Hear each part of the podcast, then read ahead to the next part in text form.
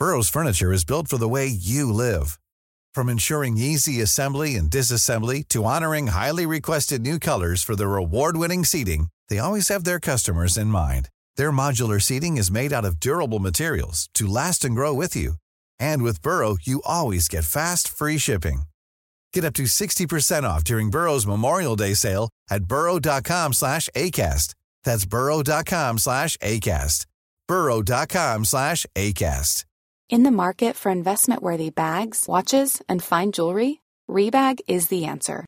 Rebag is a luxury resale platform where each piece is carefully inspected by experts to ensure quality and authenticity. Use Rebag to buy and sell finds from the world's top brands, including Louis Vuitton, Chanel, and Cartier. Head to Rebag.com and get up to 15% off your first purchase as a member with code REBAGNEW. Shop today at Rebag.com. That's R-E-B-A-G.com. And use promo code REBAGNEW for up to 15% off your first purchase as a member. Ready to pop the question? The jewelers at BlueNile.com have got sparkle down to a science with beautiful lab grown diamonds worthy of your most brilliant moments. Their lab grown diamonds are independently graded and guaranteed identical to natural diamonds, and they're ready to ship to your door. Go to BlueNile.com and use promo code LISTEN to get $50 off your purchase of $500 or more. That's code LISTEN at BlueNile.com for $50 off. BlueNile.com code LISTEN.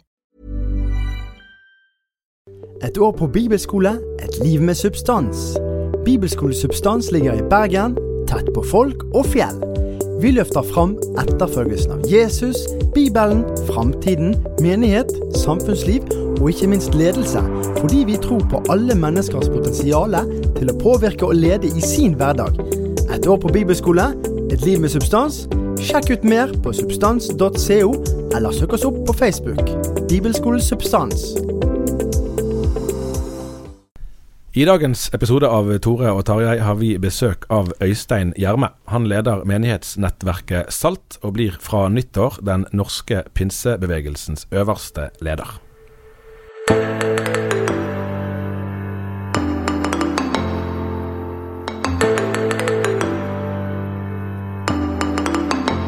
Her i studio sitter altså Tore Hjalmar Sævik, journalist i Dagen, meg sjøl Tarjei Gilje, og altså Øystein Gjerme. Du har jo en eh, fortid, ikke som ansatt, men du har hatt et visst engasjement her i avisen eh, under et tidligere regime, Øystein. Si bitte litt om det. Ja, på, fra midten av 90-tallet og eh, en periode der, så, eh, så, solgte vi en del abonnementer her eh, for dagen, ja. Så det var veldig greit å være bergenser og engasjert kristen når vi skulle på sommerstevner og selge litt. Så det gikk eh, så det suste, det. Hvordan, hvordan er relasjonen mellom selgerjobben og det å være pastor? Altså, Han som var redaktør på den tiden, eh, Finn Jarle Sele, han eh, lærte oss det at den som lærte seg salg, hadde lært seg noe viktig i livet. Så vi tok med oss den kunnskapen. Og Det er vel ikke en helt ukjent kombinasjon? det der. Jeg vet om Det var jo også Runar Landro i Indremisjonsforbundet var jo i sin tid forsikringsselger og pastor. Ja. Og Da er det liv og evighet. sant? Og sånn, og, ja. Jo, men jeg tror man lærer seg å komme i kontakt med folk på en måte som gjør at man skaper et, noen resultater. Men man må jo selvfølgelig passe seg for at det er jo en vesensforskjell mellom å være selger og forstander. Vi sitter jo på like ved Danmarksplass, Bergens mest vel trafikkerte veikryss. Og rett over veien for kontorene våre her er jo gamle Forum kino. En av de fremste kulturinstitusjonene historisk her i, i, byen. Den har dere overtatt og skal innvie til møtelokalet nå rett over sommeren. Jeg ser for meg at for, for, Salt, som ønsker å være en moderne menighet for folket, at det er noe, noe nesten sånn ideelt i det å kunne ta i bruk eh, et så ikonisk bygg da, for denne byens eh, befolkning, eh, som må være veldig gunstig eh, for dere. Ja, det er klart det er I Norge så er det et eh, grendehus, så er det et bedehus rundt omkring i mm. de fleste bygder og tettsteder. Og jeg bruker å si det slik at nå eh, er det med grendehuset og bedehuset i økende grad eh, et sted som kan sammenslås. og Forum kulturarena, mm. som vi nå kaller det, er en sånn, en sånn, sammenslåing av det. Så vi vil ha kirke der på søndagene og ha noen ukedagssamlinger. Og så vil huset leies ut til andre eh, kulturaktiviteter. ellers. Jeg var borte og så på, på prosjektet sånn som det står nå. Det er jo et fantastisk stilig eh, vil Jeg si det, jeg har ikke greie på arkitektur og sånn, men, men, det var veldig flott. Og, og, et av de grunnleggende grepene er jo at det tas tilbake til den opprinnelige utformingen fra 40-tallet. Samtidig som det jo selvfølgelig gjøres i en moderne utforming, og nettopp det at, at den gamle kinosalen og eh, Grendahuset, da, for å si det sånn i moderne form, bydelshuset, blir, blir bygget eh, sammen. Men det, det, koster penger, dette her? Ja, altså Vi eh, liker jo at ting skal være stilig og oppdatert, og at det skal være av en sånn karakter at uh, byen skal kjenne at dette, dette holder kvaliteten. da. Mm. Så um, vårt slagord har vært 'Forum tilbake til folket'. Eh, og så at Forum skal tilbake til fordums stor, storhet. Ja, så vi har gått igjennom designdetaljer og jobbet sammen med Eh, grafiske utformere, arkitekter, interiørarkitekter, for å se om vi klarer å hente fram igjen elementene fra 40-tallet. Denne art deco-stilen til mm. Landmark.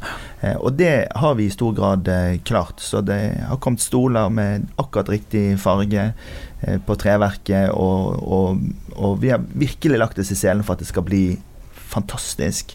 Eh, og det tror jeg at alle som vil komme på besøk der, eh, vil se at det er blitt. Hmm. men du er den av oss tre som har måte vokst opp med sterkest tilknytning til bedehusbevegelsen. Eh, og nå, nå tenker jeg på, på, arkitektur og estetikk og sånn, for der, der, for der er jo en viss fellesnevner òg til frikirkeligheten, at man har gjerne hatt ganske nøkterne bygg. Eh, sant? Vi vet om katedraler og sånn, det er en kontrast. Nå, nå, er det jo altså der som eh, altså på, på Sotra sant? utenfor Bergen så har vi fått Straumeforum, vi har Imi-kirken i Stavanger, og nå får vi Forum her. Det har skjedd ganske mye med med både kostnadsnivået, naturligvis, men òg estetikken og utformingen av moderne bedehus og kirkebygg. Ja, delvis er vel det noen kan se i sammenheng med urbanisering, at du får større sentra der. Altså, de, Den bedehusstrukturen som jeg vokste opp med, altså var ganske vanlig på Vestlandet, det var jo at uh, små bygder hadde sitt eget bedehus. Jeg tror den kommunen jeg kommer fra her på Sunnmøre, er det 13 bedehus i en kommune med nå rundt 8000 innbyggere. Uh, på Sotra, der jeg bor nå, så er det vel uh, tror over 20 bedehus, tradisjonelt. Så det er jo sånn eh, du kan eh, ja, noen plasser sykle forbi tre bedehus på, på ti minutter. Så, så, så, det er jo litt eh, Eh, en litt annen situasjon enn enn den som er i dag, da, der folk er mer mobile, og der du ikke har postkontor og skoler og alle sånne ting som ligger mer sentralt. Men så vil du også kanskje ha behov for en annen driftsmodell økonomisk, eh, og at en, at en dermed ser en slags sånn kombinasjonsmulighet, at en kan ha inntekter på et hus. Men det gjør også at en tenker annerledes om altså Tidligere så var det en spenning, sånn som du var inne på, Øystein, med forholdet ungdomshus-bedehus. Det var et enten-eller. Eh, og, og, er det noe som dere, som dere opplever der? Altså for, for, det vil jo være ei kanskje innholdsmessig spenning mellom det å skulle drive forsamling, menighet, og det å skulle, skulle være på det åpne kulturmarkedet. Da. Hvordan har dere reflektert rundt det? Jo, jeg har stor respekt for at eh, den, det skillet det ligger i, i norsk kultur. Men nå ser vi at uh, Kirken den norske Eh, når eh, den nå bygges enkelte steder, så bygger man sammen. Altså man bygger kirken som en del av kulturhuset i noen kommuner. Så jeg tror at uh, dette er en tendens som er kommet. Altså Det med urbaniseringen gjør at store arealer kan ikke stå tomme uken igjennom. Mm. Vi ser det i større frimenigheter i storbyene at der hvor kvaliteten er god nok, der leies byggene ut, og det bidrar veldig til økonomien Eh, til den respektive kirken. Og jeg syns at vi skal tenke sånn. Er, nå har jeg ledet samme menighet i 15 år. Mm. Det er en lang periode, og i den perioden så har vi vokst til å være nå på syv ulike steder i Norge. Og det leiekostnadstrykket som vi må håndtere, det er ikke forsvarlig på lang sikt. Så vi ønsker akkurat som enhver familie å, å, å, flytte i etableringsfasen. Så må vi leie litt, men så ønsker vi å ha en strategi for å komme oss i hus. da, Sånn at vi kan sikre både verdiene og øke ansattstabene våre, for det har vi behov for å gjøre. Og da står vi her også tryggere i generasjoner som kommer. Eh, bygget blir jo kjøpt for godt over 100 millioner eh, kroner, og det, og det, skal jo finansieres i stor grad nettopp med det vi snakker om nå, nemlig med, med ekstern eh, utleie. Eh, hvis, dette, måte, hvis det lykkes godt, så kan det jo bli en fantastisk historie med både inntekter og et, et veldig egnet lokale på mange måter. Men det er jo òg en risiko eh, på den måten at det er ganske mye penger inne i bildet. Sover du godt om natten? Altså, er du rolig for at dette, dette er håndterbart, eller er du redd for at her har vi gått inn eh, i et prosjekt med stor risiko? Vi er et uh, stort team Mm. eh, og et ansvarlig styre. Eh, styret vårt har eh, vært sammensatt eh, de siste årene med det ene formålet at eh, de skal eh, lose oss gjennom prosessen eh, av å komme i, i land på en bærekraftig måte. Så jeg sover veldig godt om Ja, natten, omgitt av et fantastisk team. Menighetene har hatt et, et enormt ansvar Mm. eh, og virkelig eh, tatt steget opp og tatt ansvar for dette prosjektet. Så jeg opplever at vi er en stor gruppe som bærer dette. Og så er det klart at det er en forretningsmessig side som eh, må eh, bære seg. Hvis vi ikke hadde lagt eh, lista der, så hadde jo vi måttet gjøre noe i en mye mindre skala. Mm. Så er jo det viktig å understreke da at min rolle er jo å være pastor og åndelig leder, og så har vi andre personer som er forretningsutviklerne og eventarrangørene. da. Og det å kommunisere det ut til, til kristne folk spesielt, det er viktig for meg. Og også ut imot eh, mediene her i Bergen, at jeg er på ingen måte noen forretningsmann eh, her. Jeg eh, driver kirkelig virksomhet, og før har jeg leid hos andre aktører. Nå eh, leier vi hos oss sjøl, Mm. og så er det andre aktører som leier hos oss. Så det er ganske likt. Hvordan, altså Pinsebevegelsen har jo litt over 100 år lang historie. 110-12 år nå cirka. Eh, hva tror du, eller i det hele tatt, hvordan opplever du det å presentere seg? Ja, jeg er pinsepastor. Eh, hvordan fungerer det i, vår, eh, i våre dager? Og eh, merker du noen endring der i forbindelse med eh, at dere eh, flytter inn i Forum? Jeg tenker at sånn i Bergen så, så har det vært viktig for oss å, å tenke på hele byen i alle år. Det har på en måte bestandig vært sånn for oss at vi ønsker å ha en, eh, en framtoning, og vi ønsker å ha en kommunikasjonsform og en eh, aktualitet i det vi gjør. Mm. Eh, De som lytter til vår podkast og som besøker vår gudstjeneste, møter jo en, en, en kjerneevangelikal menighet som underviser Guds ord, og som, som er veldig sentral. Eh, Men, eh, men, men, vi, men vi gjør det med en, med en tilgjengelighet, både i måten vi tar imot folk, og i driftsformen vår. da. Og, og, det at vi har holdt på med det i så mange år, og da tar steget inn på, på Riksteater, som har vært i noen år, og nå steget inn i det som er hele Bergens eh, eh, store Mm. kino og blir en kulturarena. For oss er ikke det noe nytt som skjer. For oss er dette en naturlig utvikling. Og så har jo mediene i Bergen skrevet eh, fine ting eh, om oss. Det kommer sikkert andre ting i årene som kommer, men jeg tror at det trofaste nærværet av å bare være tro mot den vi er, det står seg.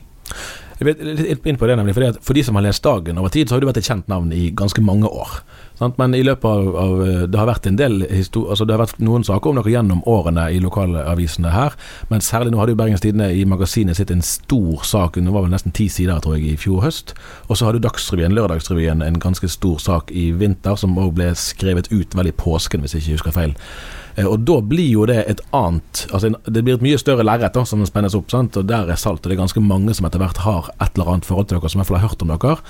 Eh, Hvordan konkret Det er jo interessant å høre om hvordan konkret om du merker at det fører til at du får kontakt med andre mennesker osv., men òg hvordan det gjør med opplevelsen av ansvar. Da, for nå leder vi en bevegelse som faktisk eh, har et ganske bredt nedslagsfelt der. Altså, Egil Svartdal sa til meg eh, når jeg var ungdomspastor, så sa han at først så blir du pastor i menigheten, og så blir du pastor i byen. Ja. Og det er en naturlig utvikling. Har man stått på sin post lenge, sånn som jeg har gjort her i Bergen, sammen med teamet vårt her, eh, og så er det viktig også å si at ja da, de mediesakene, de, de når ut til, til det brede folket, og det er positivt. Men det er jo alle de menneskene som jobber i næringsliv, i helse, i skole, i politikk, eh, som sokner til vår kirke. da. Og, og, og Salt er jo en valgmenighet i en frikirke. Mm. Men når, når tallet blir såpass stort som det er, og det er, det er greie folk, og da det kommer en mediesak, så blir det, så blir det ekstra positivt. da. Og det håper jeg nå kan sette seg. da, At når vi kommer inn i, i forum, så, så blir vi en, en frikirkelig folkekirke. Nettopp. Der har du det. Det var akkurat det jeg eh, tenkte på, nemlig, med bygg og hele greiene. Nettopp. Der sa du det. Det er jo sånn at dere i eh, Salt, eh, dere tiltrekker dere folk fra ganske mange forskjellige sammenhenger. Dere er ei pinsemenighet, og samtidig så er det mange som går der som ikke vokste opp med å abonnere på Korsets seier og reise på Hedmarktoppen på sommerstevne og sånn. Hvordan er det for deg som pastor? Hvordan tenker du om det å være ei pinsemenighet, og samtidig være øh, åpen for at folk har veldig forskjellig bakgrunn? Altså Det tror jeg, altså det har jo jeg ingen problemer med og er veldig glad for. Og Jeg er også involvert i det som handler om kirkeplanting i Norge på et ekumenisk nivå. Og vi vet jo litt om tallene om hvem som kommer til nye menigheter. Og eh, vel halvparten av de som kommer til nye menigheter i Norge, er overflytting. Og Det betyr ikke at man har sluttet i en nabomenighet og kommet, men man kommer som aktiv kristen gjerne til en by som Bergen og begynner et annet sted. Og Der skjer det veldig mye, og der er det slutt på at man går til baptistkirken fordi man er oppvokst baptist. Mm. Altså, Det sluttet for 20 år siden, det. Så det er ikke nytt i vår, i vår periode. Og det er også et internasjonalt fenomen? Og så absolutt. Ja. Det, det, tror jeg absolutt. Eh, eh, og så, og, så jeg, jeg, gleder meg stort over at vi har folk fra ulike konfesjoner i kirken. Eh, og så gleder jeg meg over at vi har mange som er nye i troen. Altså En fjerdedel av de som er med i nye menigheter i Norge, er nye kristne. Mm. Og en fjerdedel er passive kristne som, som, på en måte aktiveres. da. Og Det glemmer man ofte. det at I nye kirker så er det å aktivere de som gjerne hadde blitt, vært passive eller kommet av og til til kirken, de får blitt aktivert i nye kirker. da, og Det er den store gevinsten vi ser. Så i Salt så er det nok det som er fortellingen. Veldig mange kommer og blir aktiverte. En del vil jo være urolige for når en skal på en måte kombinere folk fra veldig mange forskjellige miljø, så, så, vil det måtte føre til at en måtte nedtone lærespørsmål for å på en måte komme overens. At det blir et slags eh, teologisk kompromiss ut av det. Eh, om ting som, som, tidligere var viktige lærespørsmål, nå ikke, ikke, blir så viktig lenger. Hvordan tenker du om det? Jeg tror det er veldig viktig å ikke ha en lærenøytralitet eller eller en type latskap rundt eh, dogmatikken. Det ønsker vi ikke. Men samtidig må vi være bevisste på at vi er sentrale. Vi er evangelisk sentrale i vår forkynnelse. Og Jeg bruker ofte å tegne et sånt bilde av en katedral. Eh, og så sier jeg at det hovedskipet i denne katedralen, det er det vi er enige om. Det er det misjonale livet. Det er forkynnelsen om Jesus Kristus. Det holder det sentralt. Så finnes det noen sånne kapell langs siden i denne katedralen hvor vi er opptatt av litt mer spe spesielle ting som, som, eh, som, som, gjerne kan høre hjemme i de, i de mindre rommene. Da. Men min strategi er å fokusere på det sentrale, og dermed ha brei appell.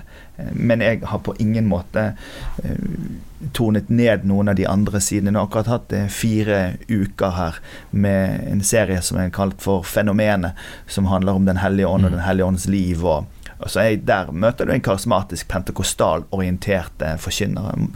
Gjennom april-mai så hadde vi tilgivelseskaper som, som, tema. og i 40 dager før i fastetiden fram til påske så hadde vi en 40 dagers serie hvor vi nesten fulgte kirkeårets tekst ikke sant, fram mot eh, påsken. så vi lærer jo fra andre tradisjoner også. Ja, for, for det er noe av det som jeg også blir litt nysgjerrig på når dere kommer i kontakt med flere nordmenn som ikke har noen kristen bakgrunn, og ikke har noen bevissthet om, om kanskje noen gudsdimensjon i utgangspunktet i det hele tatt.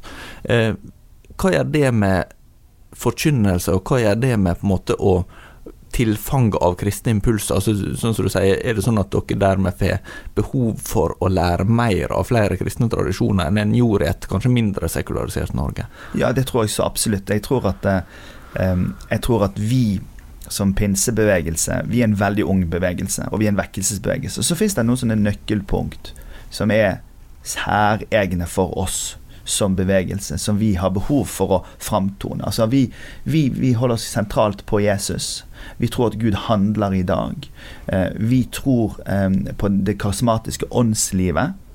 Og der, der, er jo det en stor rangering mellom de som er veldig opptatt av at det, det skal prege enhver samling, og de som har det som et element i samlingene, og de som har andre rom for samlingene. Og det, Den pendelen er veldig stor i pinsebevegelsen i Norge. Da. Men, men ambisjonsnivået vårt det er jo å nå flest mulig gjennom Jesus Kristus. Så vi forsøker å spørre hva, hva, hva er blikket til den sekulære nordmannen? Og hva er folkereligiøsiteten i Norge som vi må forholde oss til? Og det har kanskje for meg blitt viktigere de siste årene. At jeg må ha en et klarere forståelse av folkereligiøsiteten i Norge. Alt det flotte mm. arbeidet som skjer. Ja. gjennom Den norske kirke, med dåpssamtalene, eh, med, med vielser, eh, med konfirmantarbeid. Altså at Den folkereligiøsiteten i Norge er jeg i dialog med som frikirkelig. Og hvordan gjøre det best mulig, med respekt, det, det, det landskapet der er vi bortpå en do, god del nå for tida. Dette er veldig interessant. Altså, for Noe av det som, som, Salt har lykkes med, så vidt jeg kan forstå, er jo å treffe eh, studentmassen. Sant? Eh, det er jo en, en, egentlig en, en, gruppe som alltid er interessant å se hvor går de, for det kan si noe om trender osv. Og, og, og her i Bergen har det vært skiftende. Sant? De var i Salem og de var i Nordkirken en stund, og nå er, nå er det ganske mange av de som er i Salt. Eh, sånn som jeg oppfatter så er jo du egentlig en ganske Altså, Det er lite ved din teologi, oppfatter jeg, som skiller seg noe videre fra vanlig pinseteologi. Eh, Salt er en, eh, sin, sin egenart ligger vel mer på uttrykksmåter, oppfatter jeg.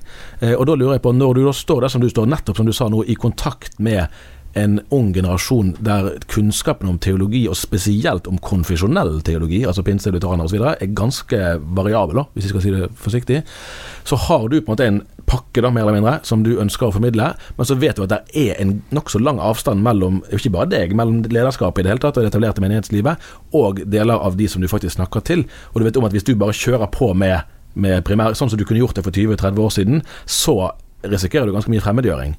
Og hvordan da tenker du pedagogisk om det å prøve å få de med deg da, på opplegget, men samtidig ha kontakt med dem? Ja, jeg skal prøve å svare hvordan vi tenker. Altså jeg, måten jeg legger opp eh, forkynnelsen i kirken vår eh, Jeg styrer det, mm. og jeg har gjort det i, i all hovedsak. Det at jeg, jeg, eh, jeg, lytter til, eh, jeg lytter til hva som rører seg, hva jeg har behov for å få gjennom Eh, med folkene, og så pakker jeg det inn i sånne ulike serier. da. Eh, og, og, Det betyr at jeg på et semester på et halvår kan rekke å være innom en tre-fire sånne serier, mm. seriebetoninger. Som vi opplever at dette her trenger vi å oppdatere folket på, eller dette er noe som skjer nå i tiden, og den mm. type ting. Um, og ved at vi gjør det, og vi har god bibelteologi som vi forkynner så jeg, jeg, bruker å si om meg sjøl at jeg, jeg, er egentlig en bibellærer med predikantstemme. ja. I den forstand at jeg, jeg, forsøker å si ting med, som har substans, på en sånn måte som gjør at det er mulig å ta imot det. Um, I en sånn 30-35 minutters eh, tale. Mm. Men så er det viktig at det, det blir jo da samtalen på smågruppen på onsdag. Og det er den sammenhengen folk må forstå. det at eh, Når vi gjør undervisningen, så gjør vi oppfølgingen i smågruppen. Ja. Sånn at det, blir en, det er det som er den disippelgjørende dialogen som skjer da. Og så er det noen som er ekstra interesserte. De kommer på ledersamlinger og går inn i, i Salt kompetanse, som er undervisningsopplegget vårt. Da. Kan velge bibelskole, høyskole, alt mulig greier som vi har. Men jeg har, jeg har, på en måte bare innsett det at jeg får ikke med meg alle på alt. Men jeg skal klare å kaste nettet så bredt ut, men holde meg sentral Eh, i forkynnelsen. Jeg skal være frimodig, men folkelig. Mm. Men jeg skal ikke tone ned frimodigheten for å være folkelig. Det er, er viktig for meg. Mm. mm. Så jeg opplever at det, det, fungerer greit. Og så har jeg lyst til å si det, Tarjei, at eh, ja, det er en, en, del som kommer til, eh, til av studentmassen. Ja. Men når vi begynte vår søndagskveldsgudstjeneste klokken 1900 i, i 2011, så var det ingen andre i Bergen som hadde det. Det var et skikkelig mm. lavpunkt i Bergen på søndagskveld. Nå i dag så er det mange mm. som gjør ting på søndagskveld. Og det er vår ånd. Mm. Vi gleder oss over Altså Hadde ingen andre vært i gang på søndagskveld, hadde vi vært mye større. Mm. Men vi tror ikke at én stor menighet er løsningen for en by som Bergen. Vi tror at, at, alle skal vinne. Og jeg er jo veldig glad for det jeg ser Frikirken i Sandviken gjør. Det arbeidet som skjer i St. Jakobs kirke, i Folkekirken, som har tatt ansvar for de unge voksne der. Jeg tror vi vinner ved at de ulike konfesjonene tar mm. ansvar i sitt segment. Eh, og så får vi bare jevnt over utfordre hverandre til å gjøre det bedre for å nå flere. Akkurat.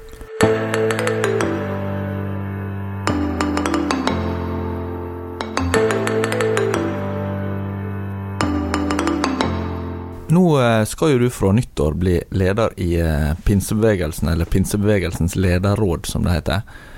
Hva bilde ser du for pinsebevegelsen i Norge i dag, hvis du skulle presentere den for en helt utenforstående? Ja, pinsebevegelsen i Norge er jo en variert gruppering. Nå bestående av 330 pinsemenigheter. litt over 1000 ansatte totalt. Eh, og eh, en samlet eh, ressursomsetning som er, er ganske formidabel, eh, og som vi aldri snakker om. Men det er jo et stort virke som skjer. Eh, jeg er overbevist om at pinsebevegelsen i Norge har eh, veldig mye godt i vente. Vi er en bevegelse som er veldig glad i initiativ, pionerarbeid og det å gå litt sånn mot strømmen. Så vi avler på en måte ledere som vil det. Eh, det er der du får den største applausen. Det er hvis du gjør de nye tingene. Og jeg opplevde for noen år tilbake å kjenne i hjertet mitt her inne at jeg kjente eh, ja, vi er gode på, på pionerarbeidet, men nå i denne generasjonen må vi bli enda bedre på overganger fra en generasjon til den neste. Så så min, en av mine store prosjekt, og grunnen til at jeg takker for tilliten til å ta et sånt verv, det er jo å bidra til, som en som er pioner, og som liker å starte nye ting, ta ansvar. Det lille ansvaret jeg kan ta for å, for å rigge oss for at alt det store arbeidet i Norges nest største frikirke, altså Norges største frikirkelige samfunn, mm. at vi kan ta så løfte det over og rigge det for, eh, for flere tiår framover av positiv vekst. Hva, hva er de store hva er omstillingsbehovene, sånn som du ser For at Pinsebevegelsen minner jo i struktur litt om bedehusbevegelsen, som jeg vokste opp i, med, med, at du har hatt mange lokale menigheter og et måte, sånn, eh, tydelig lekmannspreg. Ehm, hva ser du, ser du nå med altså, Sånn som vi snakker med både samfunnstrender som går på urbanisering, sekularisering. Hvordan eh, utfordrer det pinsebevegelsen? Jeg tror pinsebevegelsen eh, Først og fremst så må vi si at pinsebevegelsen er veldig stort strekk i laget vårt. Du, og, eh, og, jeg tror ikke man kan si at slik er en pinsemenighet. Fordi at pinsebevegelsen er ikke styrt fra toppen og nedover. Den er en grasrotbevegelse. Den kommer nedenifra og opp. Og fordi den er såpass stor som den er, og den er spredd i hele Norge, så um, har vi mange ulike typer kategorier pinsemenigheter. For å nevne noen. Du har den klassiske vekkelsesmenigheten. Så har du den diakonalt orienterte menigheten som jobber med rusmisbrukere, og dermed også får den sjargongen og den tonen og sangstilen som vi gjerne kjenner fra evangeliesenteret.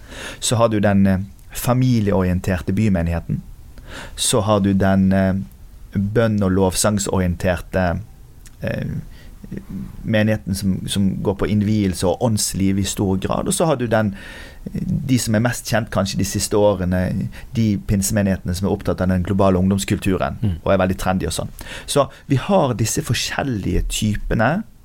Eh, nå var ikke det en fasit jeg ga på mm, de, mm, det var bare en beskrivelse. Ja. Og Grunnen til at det har vokst seg slik, kanskje spesielt de siste 20-25 årene, er at når vi sluttet å reise rundt som pastorer. Altså, Før så holdt vi på en måte sammen en kultur ved at forstanderne byttet talerstol etter ja. en fire-fem år. Men nå har, snakket vi såpass det ned da på 90-tallet, og av hensyn til at familien ikke skulle flyttes rundt og sånn, at vi har folk rekrutteres til menighetsledelse i hjembyen sin og blir der. Og en trend vi ser fra Sverige, det er at folk tar sin første kallelse, men de reiser ikke til neste by når de gir seg. Da gjør de heller et annet yrke. Så en stor omstillingsutfordring for oss nå, det blir jo å forstå, hjelpe de enkelte pinsemenighetene til å forstå hvem de selv er. Gi de frimodighet på å være det de er, men samtidig ta den selvforståelsen og speile den i helt nødvendige utviklingsbehov for at man skal ta det over til neste generasjon. Det er jo en, en gammel vits som går om at det var en, en gjeng pinsevenner som var på busstur. Eh, og så kom det et spørsmål fra reiseleder. Hvis det er sånn at noen må på do nå, kan de ta ned hendene? Ja. det tror ikke jeg stemmer lenger. Nei. sånn. Nei, men så der, der ligger en, god, en, Sånne utfordringer ligger der. Men jeg, jeg tror at hvis man skal endre seg selv, så må man forstå seg selv. Eh, og jeg tror at eh, det er en ting som jeg virkelig vil eh, legge vekt på.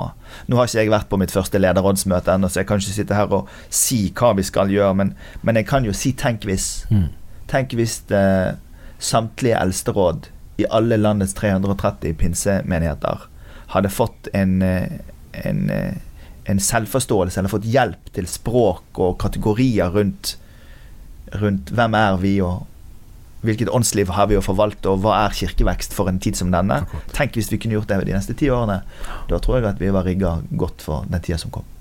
Når jeg har, når jeg har vært på, på LED eh, en del ganger, altså pinsebevegelsens årlige lederkonferanse i februar, eh, så det har blitt sagt, jeg tror du har sagt det, og flere har sagt at, at pinsebevegelsen kanskje er den kirkelige sammenhengen i Norge med den største indre spennvidden når det gjelder uttrykksform, i hvert fall. Eh, og det tror, jeg, det tror jeg kan være riktig. Eh, det, du beskrev litt av det sjøl. Og det har vært gjort et, et ganske omfattende eh, altså, si det, endringsarbeid de seneste 10-20 årene. Hvis man går tilbake til eh, predikantkonferansen, som det da heter, ser på kontrasten der til, til der man er nå med, med lederkonferansen i dag, så er det en, det er en omstilling som har kostet, eh, fordi at det er så mye her som er forbundet med identitet.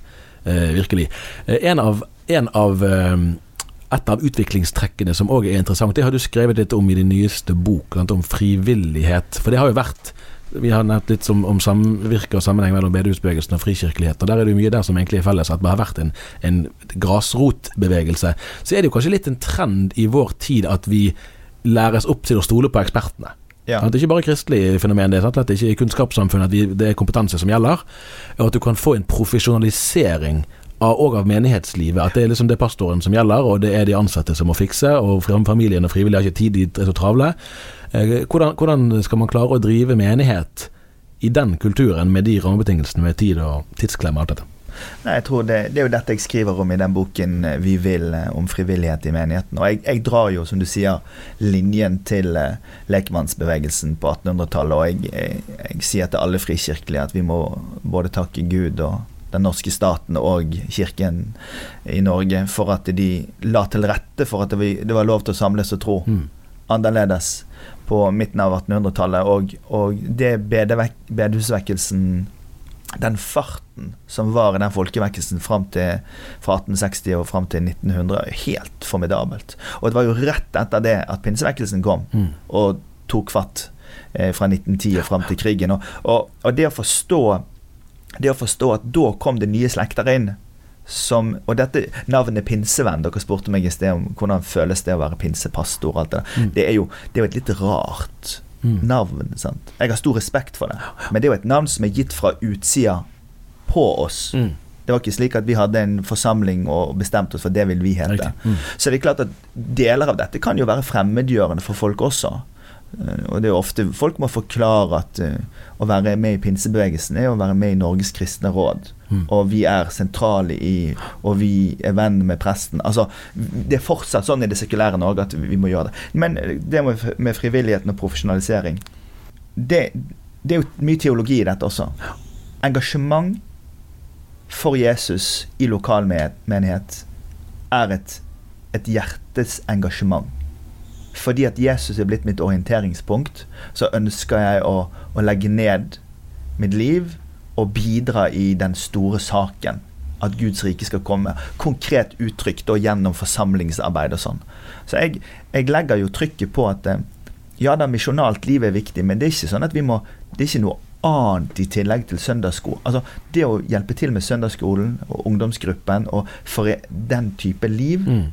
viser seg i Norge i dag å være um, veldig bærekraftig. Rundt omkring i Norge er det rett og slett en, fortsatt en sånn klangbunn av foreningsliv og menighetssamlinger som står seg, og som folk setter veldig, veldig, veldig, veldig pris på.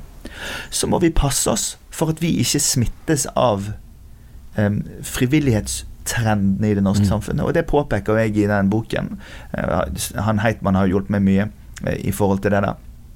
Den økende profesjonaliseringen av frivilligheten og den øk, økende graden av avlønning i det som var Mm. frivillig. Bare i Bergens Tidende i forrige uke så skrev de om lønnsgaloppen i idretten. Mm. Også i tenåringsidretten, hvor man betaler mer. Dette må vi passe oss for. Fordi at vi er blitt i stadig større grad i det norske samfunnet opptatt av at byttemiddelet penger skal være involvert når vi skal være engasjert. Jeg har hørt folk på arbeidsplasser her i Bergen som, som, som møter eh, ganske høyt utdanna profesjonelle folk, som ikke tror at noen er villig til å gjøre et arbeid uten å få betalt for det. Så når man forteller at man, man eh, er veileder for folk som skal gifte seg, eller Mm. deltar på en ungdomsgruppe uten at byttemiddel og penger er involvert, så tror ikke folk på det. Og dette det kommer til å prege Norge de årene som kommer. Det er jeg overbevist om. Og der kan Kirken være motkraft. Du, til slutt. Vi er jo straks på vei inn i sommerferien. Eh. Men de siste årene er det vel få i kongeriket som har vært på så mange kristelige konferanser og stevner som du har vært. Driver du med sommerferie egentlig, eller er det full fart eh, nå òg? Det er litt mindre denne sommeren, for vi rigger oss eh, for at jeg må være mye hjemme eh, til høsten eh, i forhold til at vi flytter inn i ny- nytt kirkebygg. Så, eh, så vi har tatt det litt ned i, i sommer. Men jeg setter stor pris på å forkynne på sommerstevner. Egil Svartdal sa til meg for mange mange år siden at det som er så flott i Norge, det er at vi har lederkonferansene våre på vinteren, og så har vi hele folket i bevegelse til disse bibelcampene og sommerstevnene om sommeren. Eh, Og vi snakker ulikt til de to gruppene, men det er, er viktig. I går fikk jeg være på Oslo Kristen Senter, på, hvor Thomas Åleskjær tatt over etter sin far. 750 barn fra nærområdet på Romerike som kommer og er med på barnefestival, og så fikk jeg være med på å tale på kveldsmøtet der borte i går. Dette er gullet. Dette er helt fantastisk. Eh, og selvfølgelig har jeg lyst til å bruke litt av sommeren eh, på det. Og så skal jeg være med familien på tur etterpå. Det høres bra ut. Tor Hjelmar, du skal straks på sommerferie nå, men eh, vi fortsetter produksjonen gjennom eh, ferien. Ja da, vi har mye godt på lager, eh, og det kommer altså hver uke nye episoder, så det er bare å følge med videre. Da sier vi det sånn. Takk for besøket, Øystein. Velkommen eh, tilbake igjen. Tusen takk. Takk for at du hørte på.